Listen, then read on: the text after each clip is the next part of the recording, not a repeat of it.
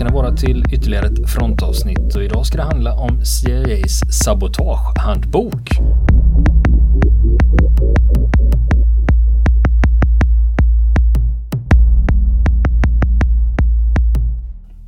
Ja, vad spännande. Ja, det är så att eh. CIA, om man går till deras hemsida så har de öppnat upp delar av sitt mm. Eh, arkiv. Just det. Och där kan man hitta roliga saker. Jag brukar roa mig med att gå dit och så skriver jag vissa sökord och så dyker mm. upp roliga grejer. Mm. Ofta är det, har jag gamla, också gjort.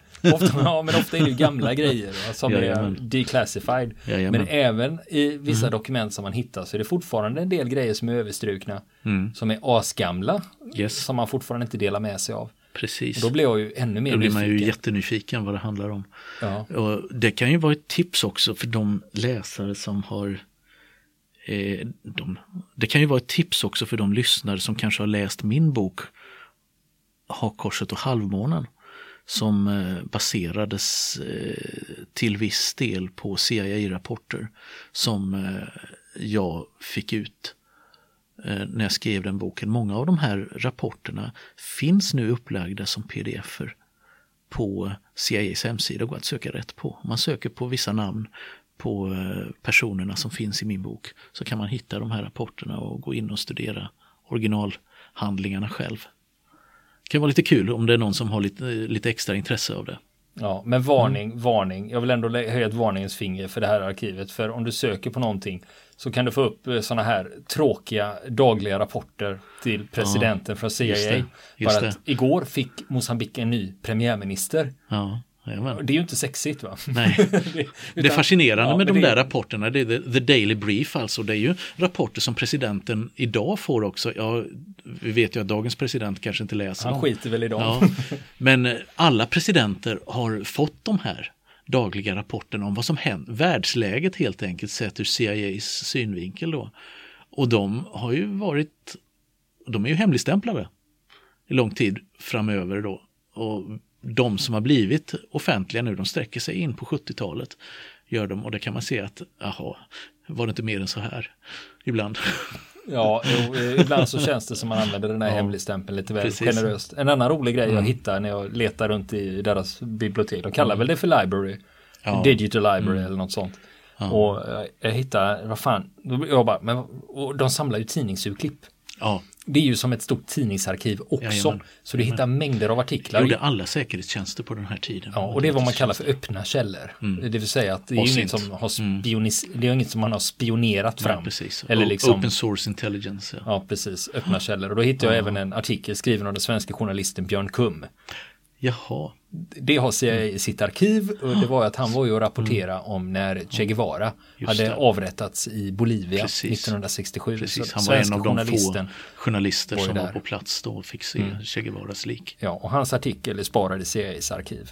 Mm. Fantastiskt. Ja, man kan hitta mycket roligt där. Men det finns den... mycket godis som gäller Sverige där också. Eh, det vet jag. Ja. vi, kanske ska, ja. vi kanske ska återkomma. Just men, men, eh, där har jag gjort så när jag letar, då är det vissa specifika saker jag letar efter. Så att, mm. Eh, ja, vi, har, det, vi återkommer om det. Det, det kommer garanterat ja. att bli frontavsnitt på det på sikt, men det är ett sånt tips. Mm. Det vi ska prata om här idag, det är ju innan CIA blev CIA. Mm. Då hette de inte Nej, CIA. Nej. De hette OSS. Just det. Och det är här, mm. eh, det här, för säger man OSS, det är de flesta mm. tror att det är ett samarbetsorgan inom eh, mm. en ekonomisk samfund eller någonting, utan mm. det är det inte här, utan det är Office of Strategic Services. Mm. Det var ju det som efter kriget sen blev CIA. Precis. Precis. Och eh, när jag sa eh, CIAs sabotagehandbok, det är det alltså inte frågan om här, utan den heter så här. Simple Sabotage Field Manual. Office of Strategic Services. Mm. Så formellt. det, är en, det är en officiell version av anarkistens kokbok eller? Ja, det var den här delades ut till motståndsrörelsen i mm. Europa under eh, 1944. Mm. För det var ju stora delar av eh, den här daterad 17 januari 1944. Mm. Och det var ju så att stora delar av Europa var under ockupation. Mm. Men samtidigt fanns det motståndsrörelser och det fanns sabotörer och det. det. var dem man ville då eh, mm. ringa in och som man ville sätta något i händerna på dem med mm. tips och tricks. Så här, kan, mm. de här sakerna kan ni göra. Mm. Och Hemlig garn. Ja, Precis, men det här bygger också på att det här, det kallas ju för The Simple Sabotage Field Manual. Det är alltså mm. enkla sabotage. Det är inte superavancerat med sprängämnen och mm. sabota avancerade sabotageräder och sådana saker. att överfalla saker, utan hur sabbar du saker i vardagen mm. helt enkelt. Det är det som gör den här intressant. Och det är precis det som står i förordet också. De har till och med en liten introduktion i det, mm. det är mhm. som en liten bok. Mm. Och då står det så här att eh, ja, eh, avsikten med det här eh, dokumentet det är att ge exempel på enkla sabotage som kan ge stora effekter men som är väldigt enkla att utföra för vem som helst. Mm. Och det de också varnar för det är att Eh, man ska säga, håll er till enkla grejer, krångla inte till det. Mm. Utan rör dig inom det fältet, så börja inte experimentera med saker som du inte kan hantera. Mm. Och sen är det också sådana här saker, om du väl har lyckats med någonting, stå inte kvar och glo då, utan Nej. stick därifrån. så det är mycket så här, hur ska du bete dig, hur ska du tänka? Och så tar de också då med upp det med motivet, varför ska du bli mm. en sabotör? En vardagssabotör. Jo, det är att eh, du ska bidra i kampen mot tyskarna mm. i det här fallet. Och det kan du göra genom att störa lite här, störa lite där. Men tillsammans om alla gör det här så mm. påverkar det eh, mm. de ockuperande makternas eh, effektivitet. Mm. Det gör att de blir ineffektiva och det driver hela krigsinsatsen framåt. Om vi mm. har en sämre fungerande fiende mm. i flera avseenden och det kan ju gälla logistik eller byråkrati eller vad som helst byta vägskyltar så att förband åker åt fel håll. Ja, den finns med. Mm. Ja, det gör det kanske. den finns med. Ja. Uh, och, men det roligaste i den här, uh, som jag mm. fullständigt älskar i den här manualen, det är arbetsplatssabotören. Ja. Hur beter du dig på arbetet mm. för att vara en dålig medarbetare? Mm. Och mm. här har de sådana här enkla saker, för du ska, eh, för ofta ställde ju de ockuperade länderna, deras industrier fick ställa om sin produktion mm. för att hjälpa den tyska krigsmakten eller producera varor för den tyska marknaden. Mm. Och då var det just att därför var det viktigt att oavsett vad du pysslar med så skall ni ägna er åt sabotage. Och, ibland, och de föreslår ofta sådana här lite snikiga grejer. Att det ska mm. inte vara så jävla uppenbart som att du bränner ner en fabrik. Utan det kan vara en sånt här exempel. Att om du är svarvare och du är jävligt duktig. Och mm. du ser till att allt är ordning på dina verktyg och de är alltid slipade. Det ska du inte göra nu. Nu ska du inte ha någon ordning på dina verktyg och de ska dessutom vara slöa. Och mm. de ska ofta gå sönder. Och sabotera gärna biten som du håller på med mm. och paja den. Så du får hämta en ny bit. Så du, liksom, du ska hela tiden hålla på med små grejer mm. för att sänka insatsen. Du ska sänka förmågan mm. helt enkelt. Du ska Just jobba det. under din förmåga. Du ska inte vara så duktig som du har varit förut. Just det. Och det de tipsar om också att det är att om du ska det här är under säkerhetstänket då. Mm. Vad är det du bör tänka på? Att du ska ha med dig grejer som inte väcker uppmärksamhet och som är naturligt att du rimligtvis borde ha med dig. Mm. Jag menar, du kan inte gå omkring med dynamitladdning i fickan liksom, mm. hur som helst, för det är ju misstänkt. Men utan i det här fallet så kan du ha en liten pennkniv eller en liten nagelfil. Mm. Sånt som du brukar ha med dig. Du kan ha med dig tändstickor, du kan ha med dig småsten, hår går bra, salt, spikar. Det finns mm. massa olika saker som du kan bära med dig som inte väcker misstanke. Mm. Och om du arbetar inom ett speciellt område eller en industri, då är det ganska förklarligt varför du går omkring med saker som till exempel en tång eller en hammare eller något sånt som du kan mm. använda i sabotage. När du utför ett sabotage, då ska du tänka så här att du ska inte, det ska inte vara lätt att peka ut dig. Om du jobbar på en arbetsplats och du bara mm. håller på med en grej och någonting pajar, då är det ganska uppenbart att det är du. Mm. Gör inte sådana grejer, utan gör sånt som vem som helst skulle kunna ställa till med. Mm. För om du sabbar elen inne i en, eh, i en fabrik, mm. det kan vem som helst ha gjort. Man behöver inte mm. peka ut någon särskilt misstänkt. Och samma sak om du är ute på gatan och utför sabotage när det är mörkt då kan du utföra ett sabotage till exempel mot en militärbil eller en eh, eller militär lastbil. Mm. Och där är det omöjligt att liksom peka ut att det är just du. Mm. Utan då kan det vara vem som helst. Så det är sådana grejer man ska sikta på då. Skulle, kan försvinna i mängden. De säger också att men det är ändå okej okay att utföra sabotage där det ibland kan vara uppenbart att ja. du kan vara inblandad om du inte gör det för ofta. Och om du har en riktigt bra ursäkt. Om du säger till exempel om jag har tappat tången mm. ner i en maskin och den gick sönder. För det var flygräd så jag blev rädd. Ja. Och det kan man ju liksom, ja okej, okay, det är ju sånt som händer så att man ska ja, försöka hålla sig inom den mänskliga naturen just när det, det gäller fel och klantigheter. Fast man ska vrida upp klantigheten ja. jämfört med vad man gör i normala fall. Just det. Och det lustiga är, med, de skriver också där att du kan nästan alltid komma undan genom att låtsas att du är dummare än vad du egentligen är. Alltså okunnighet eller vara överförsiktig. Mm. Eller också helt enkelt att du ska vara rädd för att bli misstänkt för sabotage och därför har du gjort något som har blivit ja. galet. För det, ingen vill ju bli misstänkt Nej, för sabotage precis. så för säkerhets skull så gjorde jag så här och så pajade ja, Så blev det fel. Så blev det fel ja. Eh, det kan också vara att du uppvisar en svaghet. Mm. Som gör att eh, någonting inte funkar som det ska. Mm. Eller att du är väldigt, väldigt avtrubbad och har svårt att förstå för, på grund av undernäring. Vi lever ju i ett ockuperat område, vi har inte tillgång till så mycket mat som vi brukar och därför så min tankeprocess är lite trögare än vad den brukar mm. vara. Just det. Och här kommer vi då att eh, du får inte hänga kvar när du utfört ett sabotage utan mm. du måste ta dig undan därifrån. För står du och hänger då kan de tyskarna bli misstänksamma. Mm. Men på samma sätt så kan det finnas tillfällen, till exempel om din maskin pajar och du går därifrån, då undrar de varför går du ifrån maskinen? Mm. Då blir ju det misstänkt. Det. Utan är det mest normala att du ska stanna kvar vid maskinen, då ska du stanna kvar. Så du ska bete dig som vanligt så långt det bara går. Det. Och sen har man då delat upp den här handboken i massa olika mm. typer av sabotage.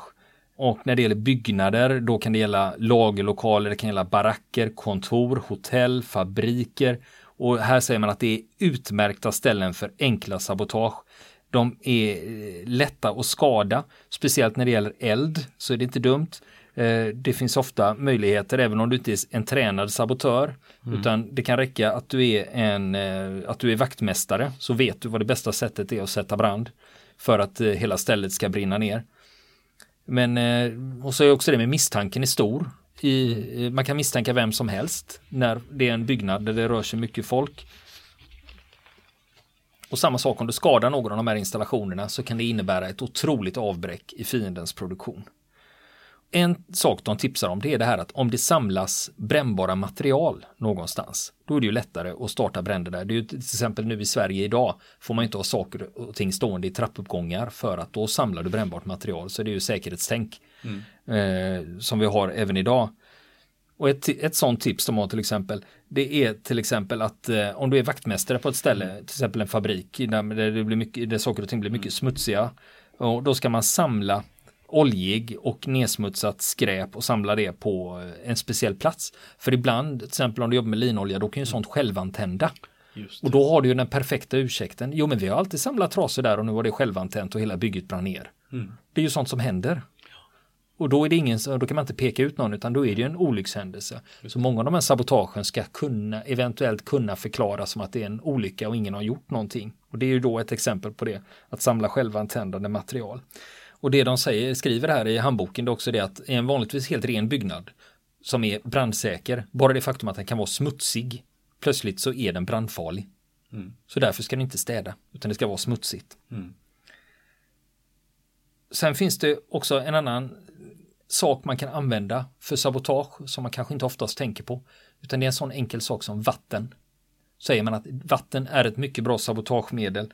Man kan förstöra hela lager genom att till exempel sätta igång ett sprinklersystem om det finns. Men de tipsar om att ja, du kan få igång sprinklingen om antingen bankar du på det med en hammare tills den startar eller också håller du en tändsticka under den. Och det är också en sån sak att ett sprinklersystem kan ibland utlösa utan någon som helst anledning och då kan du förstöra saker som har väldigt stora värden. Och sen finns det också de här enkla sakerna som man ska göra för att störa, för att nagga lite på moralen. Du ska inte mm. fylla på med toalettpapper på toaletterna. det låter ju som något som Björnligan i Kalanka skulle liksom eh, hitta på. Och sen så säger de så här att det man kan göra också det är att eh, du kan rulla papper väldigt, väldigt hårt ihop med hår och andra saker och så spolar du ner det i toaletten för att orsaka stopp. Eller också så tar du en svamp med mm. stärkelse eller en sockerlösning. Och den ska du då trycka ihop och så Ner i röret. Då. Och så ner i röret så den expanderar och stannar mm. där så du skapar översvämningar då.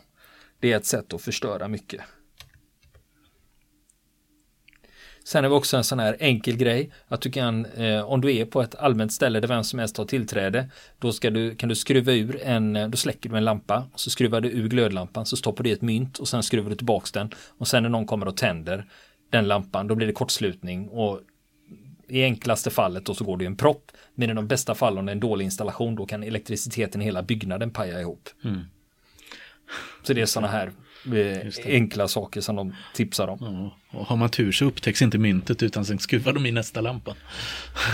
Ja, och eh, de, de har ytterligare en förstärkning på det här tipset då. Mm. Att eh, du kan dessutom, om du har tillgång till proppskåpet, då kan du skruva ut proppen och, och, och så ersätta proppen med ett mynt. För då löser mm. ju inte proppen ut. Just det, och då, då kan brinner det, saker. Och då kan det bli en överbelastning i elen. Och då kan det starta en brand eller slut större delen av elektriskt system. De har ett kapitel här om elektricitet, hur man kan göra. Sen också en sån här enkel sak att eh, när det gäller lås, då kan du mm. använda dig av hårnålar eller små bit, kvistar eller pinnar och stoppa in mm. och bryta av dem så att låsen inte fungerar i byggnaderna så att folk inte kan ta sig in eller ut. Det är också ett effektivt mm. sätt att störa produktionen. Eh, sen är det en massa sådana här små tips när det gäller verktyg. Vad ska du mm. För att, eh, alltså jag förstår mm. inte hur mycket folk de måste ha kallat in för att skriva den här manualen. Jag sitter och funderar ut av, allt det här. Mängder av experter ja. som har uttalat sig. Bland mm. annat eh, när det gäller sågar, när du lämnar ifrån dig dem, då ska mm. de vara lite, lite, lite lätt böjda. Du ska förvara mm. dem lite lätt böjda när du inte använder dem. Mm. För efter ett tag så kommer de att gå sönder när de används. Om man förvarar dem lätt mm. böjda. Det hade inte jag en aning om till exempel. Nej. Och sen också när du filar Mm. Om du ska fila någonting, om mm. du jobbar i en verkstad, då ska du inte fila långsamt utan du ska fila jättefort. För då förstör du filen fortare när den hettas upp. Då går härdningen ur och då sliter du ut filen fortare och då måste du gå och hämta en ny fil. Och det mm. påverkar då eh, påverkar. påverkar då hela krigsinsatsen. Och sen också, om du, ska, mm. om du är, står och filar på jobbet och du ska mm. göra rent dem, då ska du banka med dem mot något hårt så de går av. Du mm. säger att om de frågar, nej men jag skulle bara göra rent den och banka ur spånen mm. ur den. Eh, då har du det som ursäkt då för att Just komma det. undan för att paja filar hela tiden. och sen också om du jobbar med att borra saker, särskilt i mm. metall, om du trycker lite extra hårt, då går mm. borret ofta av och då får du gå och hämta ett nytt och till slut mm. kanske borren är slut och då står produktionen still för att du inte kan utföra din arbetsinsats. Och sen också om du jobbar i en stans, eh, mm. när du stansar metall, då kan du stoppa i mer material i stansen än vad den egentligen är avsedd för. För då kommer hela mm. stansen att paja. Och då kan man i bästa fall få stopp på hela produktionen. Den vägen då. Just det. Och samma sak om du jobbar med pneumatiska verktyg. De måste ju smörjas. Strunta i att smörja dem för då skär de. Och de kan vara mm. jättesvåra mm. att ersätta under kriget. Det kan vara svårt att få fram nya mm. verktyg. Just det. Så det, där finns det mängder med tips om hur ja. gör du för att vara kass. Ja. Alla dessa möten när folk har suttit och funderat ut de här tipsen. Eller brainstormat eller... Ja, ja det är helt man, fantastiskt. Man, undrar, man skulle vilja veta hur det gick till. Ja. ja. och sen har vi också en, ett kapitel som handlar om elektriska motorer. Man får inte glömma, det här är ändå 40-tal. Mm. Elektricitet har funnits ett tag men ändå ligger ja. det ju en bit på skalan där hur mm. långt man har kommit med utvecklingen. Och eh, där finns det olika tips då att man kan mm. försöka ställa om motstånden i de elektriska motorerna för att försöka få dem att bränna. Mm. Och det finns ett överbelastningsrelä som ska slå ifrån om motorn belastas för hårt. Koppla mm. ur relät så när du överbelastar motorn då skär den. Och sen också när det gäller sladdar då ska du gärna försöka böja dem lite och se till så mm. du skrapar bort eh, is isoleringen mm. på dem så att det blir kortslutningar i elektriska system. Samma sak om du jobbar med som gjutare. Mm. Då ska du se till när du gjuter eh, mm. själva gjutformarna ska du göra så dåligt så det blir bubblor inne i själva gjutningen för då blir metallen svagare. Då är det lättare att den går sönder. Då tillverkar du en undermålig produkt. Och det som mm. är bra med det, det, är inte säk det syns alltså inte. Nej. Utan det är först när grejen används. Det är då det märks att den bara pang går av. Just det.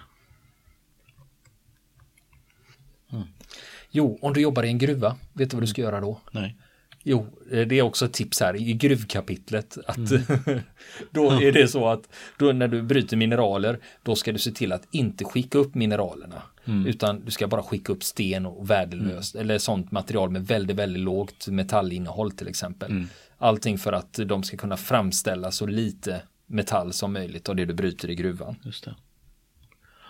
Sen har vi en känga till ett visst statligt järnvägsbolag här i Sverige som faktiskt driftar just nu. För nu har vi mm. kommit till järnvägstrafik. Hur mm. saboterar du om du jobbar inom järnvägen? Lyssna noga nu. Mm. Tågresor, det ska vara så obekvämt som möjligt för fientlig personal. Gör fel när du skriver ut tågbiljetter. Om du skriver ut en mm. flera biljetter, då ska inte den vara komplett. Nej. Eller också så skriver du två, två biljetter på samma säte. Så det blir överbokat. Just. Kände du igen det? Och som resultat, om du då skriver ut två identiska biljetter till samma platsreservation, mm. då kan det bli bråk på tåget och det är bara bra. och om det är nära, att, att det är nära tågavgång, mm. istället för att köra ut en tryckt biljett så ska du handskriva en och det ska ta jättelång tid så förhoppningsvis så missar din passagerare tåget. Samma sak när det är på, på stationerna där mm. man sätter upp information om tågens avgångstider och ankomsttider. Sätt upp fel skyltar så du alltid anger fel avgångstider och fel ankomsttider. Just. och om du har tåg mm. som är på väg mot fientliga destinationer, jobbar du på tåget, då är det ditt uppdrag att se till att resan blir så obehaglig som möjligt för passagerarna.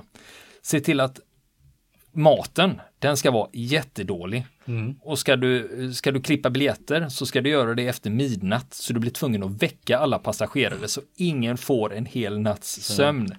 Och sen ska du gå speciellt på natten är det här viktigt. Mm. Då ska du gå längs tåget och ropa ut alla stationer jättehögt så alla vaknar så att fienden inte får någon sömn på tåget.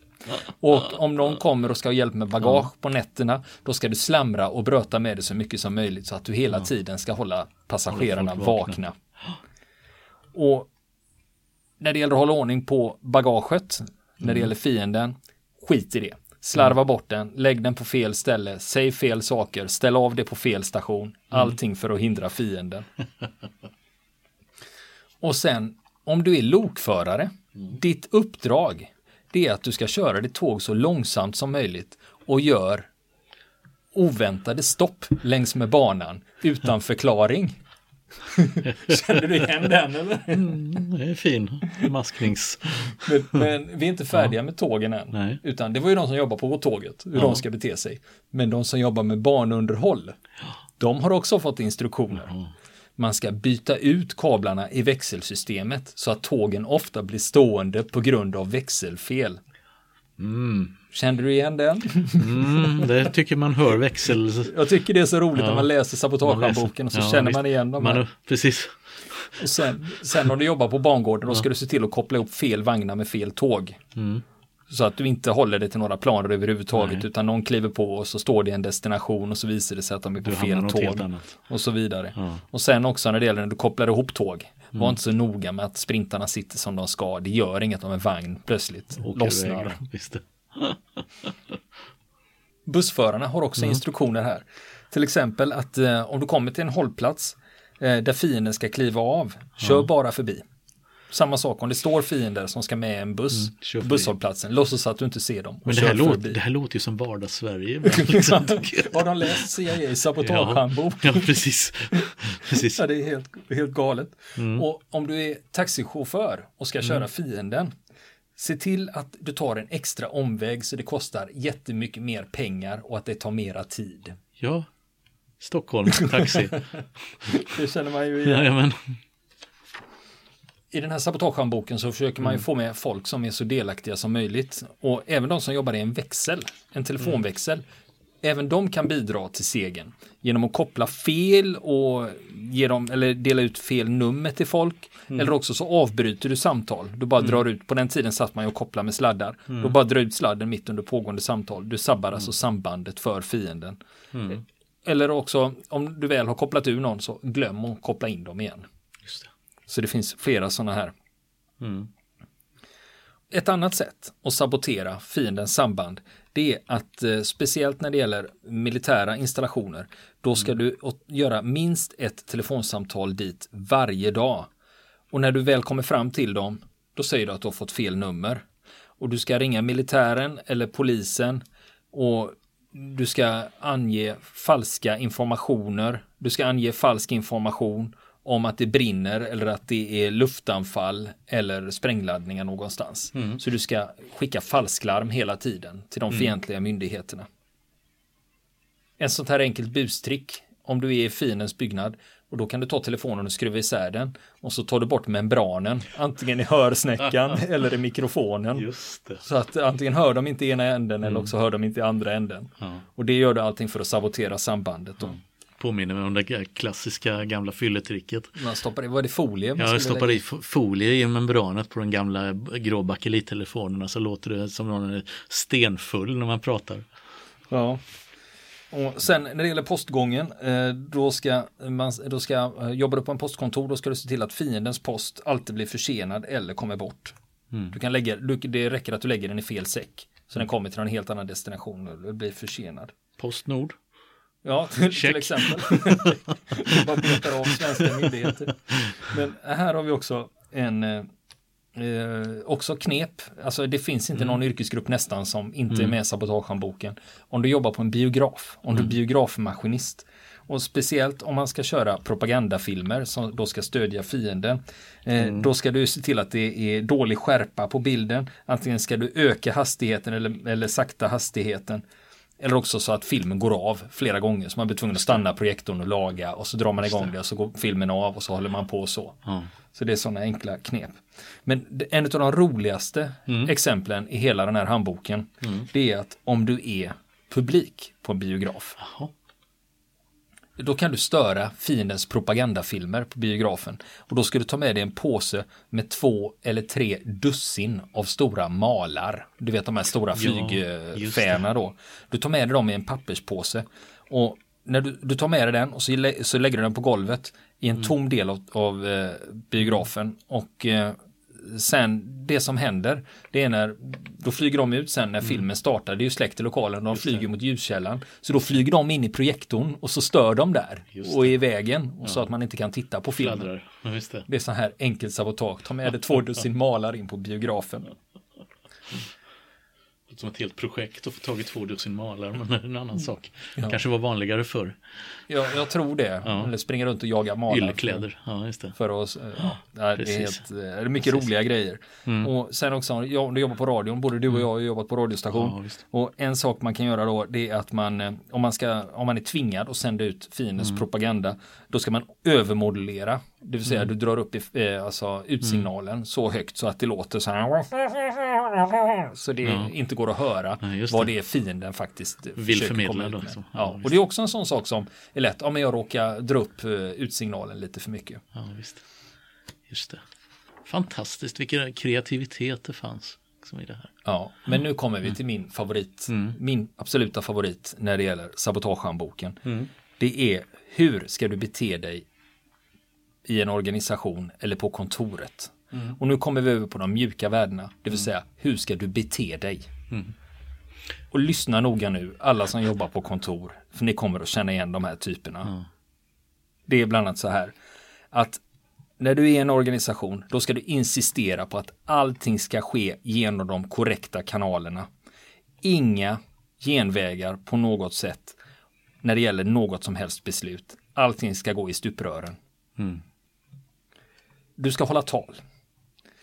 Håll långa tal så ofta som möjligt och hur långa som möjligt. Du ska illustrera dina poänger med långa anekdoter och berätta om dina personliga erfarenheter. Och tveka aldrig att lägga in några enstaka patriotiska kommentarer. och när det är möjligt så att alla frågor som dyker upp, de ska du skicka till en kommitté för utvärdering Mm. Försök att göra den här kommittén så stor som möjligt och det får aldrig vara färre personer än fem.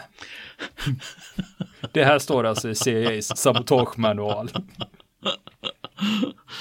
Har Ricky Gervais sett det här? Ja, ja, det, han, han, skrev The Office. Ja, den är ju, det, det är ju en, det är det är en checklista det här. Ja. Eh, för, för kontorsarbete. Mm. Och eh, man ska ta upp obetydliga, meningslösa saker på bordet så mm. ofta som möjligt. Mm. Det är en instruktion. Och samma sak när det gäller kommunikation, anteckningar och beslut. Det du ska strida över, det är de exakta formuleringarna. Ge dig inte på den punkten. Utan man får omarbeta och omarbeta så att allting ska vara exakt som man vill. Mm. Och sen när du är på ett möte, då ska du ta upp saker som man beslutade på förra mötet och försöka öppna dem igen så att de aldrig blir avslutade, att det aldrig någonsin kommer till beslut. Mm. Så att de ska bordläggas i så hög grad ja. som möjligt så det aldrig händer ja. någonting.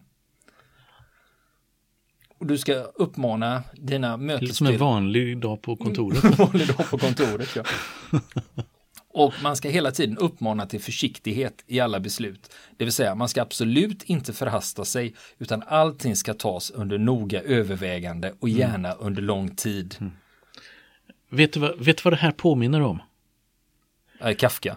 ja, jag skulle säga att det här påminner lite grann om när du läser FASS.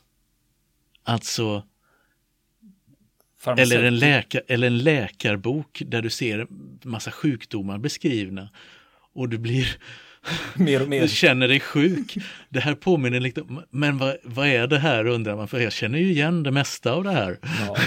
Jo, precis. Ja. Eh, och FASS, eh, det är ja. ju det är, det är den svenska ja. läkemedelsförteckningen. Det. det. är ju den är tjock som gamla telefonkataloger ja, där fanns i papper. Och FASS, det står för farmaceutiska specialiteter i Sverige. och det är alla läkemedel. Och det du pratar om, det är ju i, till varje läkemedel så finns, så, så, så finns det också en beskrivning på möjliga biverkningar. Och det är de biverkningarna när man läser om illamående. Oh, men det har jag inte det, liksom, orolig mage. Jag har jag inte lite orolig mage?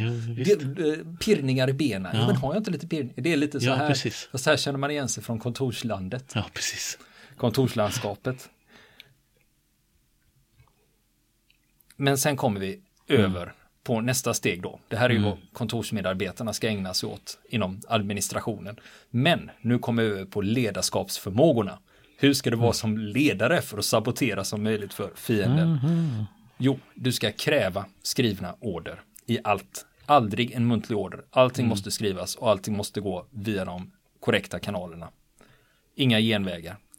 Du ska också missförstå order och så ska du ställa ändlöst med frågor och det ska vara lång korrespondens om de här orderna. Och du ska hålla på och gnälla över dem så mycket som möjligt. Ifrågasätt dem hela tiden. Och gör allting för att försena alla beslut när det gäller mm. vad man har kommit fram till. Även om större delen av till exempel ett arbete är klart så ska du inte leverera det förrän det är absolut klart i absolut sista minuten. Och beställ inget nytt material utan använd det materialet du har tills du är nästan, nästan helt slut. För att då har du ju leveranstiden mm. där du inte kan göra någonting. Just det. Så du ska inte beställa något i tid utan allting ska ske i sista minuten med förhoppning om att det blir försenat eller att det faktiskt mm. blir försenat. Inga pennor på hela kontoret. En sån enkel mm. sak. Sen ska du beställa väldigt, väldigt dyra saker som kan vara bra att ha, som du egentligen inte har nytta av. Så man blåser budgeten på on onödiga grejer. Ja. ja. Och då säger du så här om någon ifrågasätter det, vi måste ju ha bra grejer att jobba med. Vi kan inte jobba med skit liksom. Mm. Skit in, skit ut. Vi måste ha bra grejer. Precis. Och när du ska dela ut jobbuppgifter, då ska du alltid dela ut de minst prioriterade först. Mm. Så att du vänder på prioritetsordningen. Du tar de oviktigaste grejerna först och sen längst ner på listan då lägger du de grejerna som är viktiga. Mm. Samma sak om du får i uppdrag att mm. utbilda ny personal. Mm. Utbilda dem fel. Säg till dem fel saker. För då mm. har du ju ytterligare sabotörer som Just gör det. fel. Ja, helt så omedvetet. Du ska, så du ska sprida det här. tror jag. Ja. ja. Och lyssna på det här. Lyssna på den här. Mm. När du har jättemycket viktigt arbete framför dig som ni måste ta i tur med. Håll ett möte istället.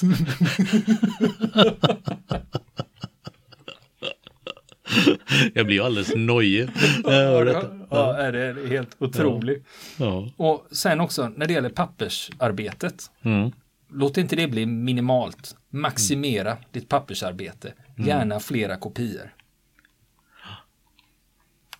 Samma sak när det gäller regelverk. Följ regelverket ner i minsta detalj och var beredd att strida vid varje tillfälle för att man ska följa reglerna hela tiden. Mm.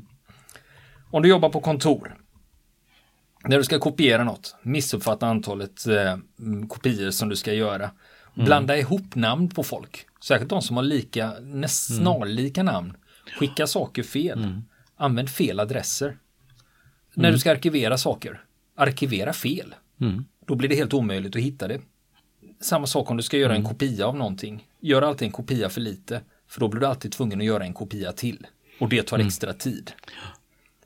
Ibland så kan du få väldigt viktiga samtal när någon måste ha tag på din chef. Säg att chefen är upptagen eller pratar i telefon. Japp. Sen ska man ju arbeta långsamt också. Man ska inte öka på takten. Sådana här enkla saker om du jobbar i en mm. verkstad, då ska du ha en liten hammare. Om du egentligen behöver en stor mm. hammare, då ska du ha en liten hammare. Mm. Så det tar jättelång tid. Eller om du behöver en stor kraftig tång, ha en liten och försök. Då kanske du drar sönder gängorna. Och då behöver du ta på nytt material och då tar det extra tid att gå och leta upp de grejerna. Så det är mängder med sådana här tips. Annat tips om du är på en arbetsplats, att även om du förstår språket, låtsas att du inte förstår språket när någon talar ut, något utländskt språk med dig. Mm. Låtsas att instruktionerna du får är jättesvåra att förstå och be att de repeterar dem gång på gång på gång. Låtsas att du är väldigt rädd för att utföra ditt arbete mm. och fråga din förman med massa onödiga frågor hela tiden. Mm. Du ska arbeta dåligt, men du ska skylla det på dåliga verktyg, maskinerna eller utrustningen. Låt aldrig någon tro att det är ditt fel. Klaga på att de här sakerna hindrar dig från att göra ditt arbete ordentligt. Skyll på grejerna. Mm. Jag har hört talas om den. Låter bekant. Den här jävla Windows 7. ja, precis. Japp. Och sen om du är en skicklig arbetare, dela för allt i världen inte med dig av din kunskap till nyanställda. Nej. Utan håll dem i okunnighet. Mm. Gnäll på administrationen så mycket du bara kan. När du ska fylla i formulär, fyll i dem så dåligt som man är tvungen att göra det igen. Gör misstag. Mm. Om det är möjligt så ska du helst organisera en grupp som strider för arbetarnas rättigheter mot ledningen. Se till att du får inflytande och så att du kan sabotera i organisationen så mycket som möjligt. Se gärna till att det blir många möten också. var vi där igen. Nu var vi där igen också. Ja. Du ska gärna rapportera påhittade spioner och sabotörer till mm. polisen eller till Gestapo. Bete dig som om du vore korkad. Mm. Var så irritabel som möjligt utan att för den skull hamna i ett problem själv. Mm. Bete dig korkat helt enkelt.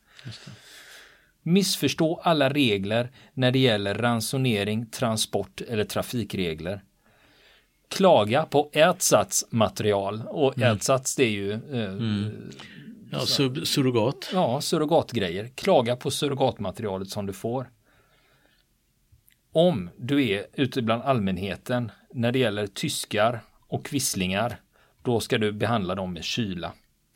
Stoppa alla samtal när det kommer tyskar eller quislingar, till exempel in på ett café om ni sitter och pratar, så du verkligen visar att ni fryser ut dem. Gråt och skrik hysteriskt så fort du får möjlighet, speciellt när du pratar med myndighetspersoner. Bojkotta alla filmer, underhållning, konserter, tidningar som på något sätt har samröre med fienden. Delta inte i återvinning. mm. Det här har vi, det här är manualen hur man sabbar ett samhälle. Just det. Helt otroligt att den är offentlig egentligen. Ja visst, det låter som någon har kommit på den hemliga planen här, avslöjat den hemliga planen. Gör det. Men det jag tycker är mest ja. roligt är hur folk beter sig på arbetsplatser. För ja. det här är ju manualen för hur du blir en så dålig medarbetare som möjligt. Jag tycker man känner igen från vilken arbetsplats som helst. Det finns de här typerna och det här beteendet överallt. Man kan identifiera arbetsplatssabotörerna och alla får upp en bild i huvudet av det vem det är. Ja, det är ju den. Och får du inte upp en bild, då är det du. Då är det du.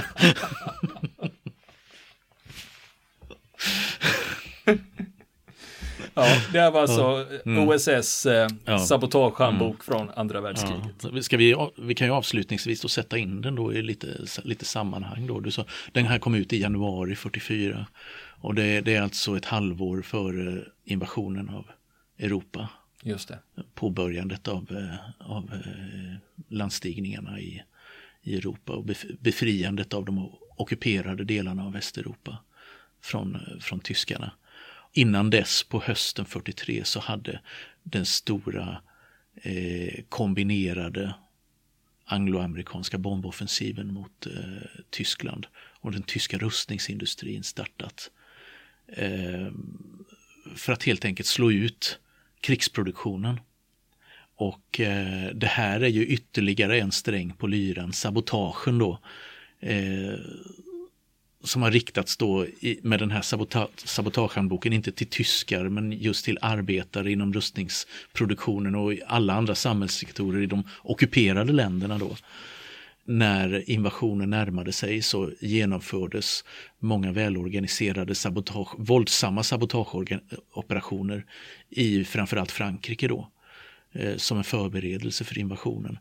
Men eh, jag tror aldrig har sett några, några eh, böcker, några studier på hur mycket den här typen av aktioner som finns beskrivna här, hur utbrett de hur utbrett det blev, vilken effekt just handboken fick och vilket resultat det fick. Men det är klart att eh, eh många bäckar små Ja, om ett, helt, ja. Om, eh, om ett helt samhälle börjar bete sig på det här viset, då ja. kommer ju allting att stanna av. Just det, precis. Det hade ju blivit en jävla rolig komedi alltså. Ja, precis.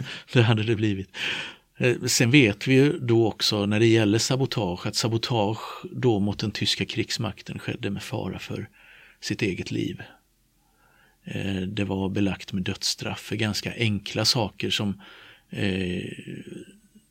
ibland kanske bara berodde på oskicklighet från en enskild arbetares sida. Man kunde eh, förlora livet eller friheten på grund av att bli anklagad för sabotage.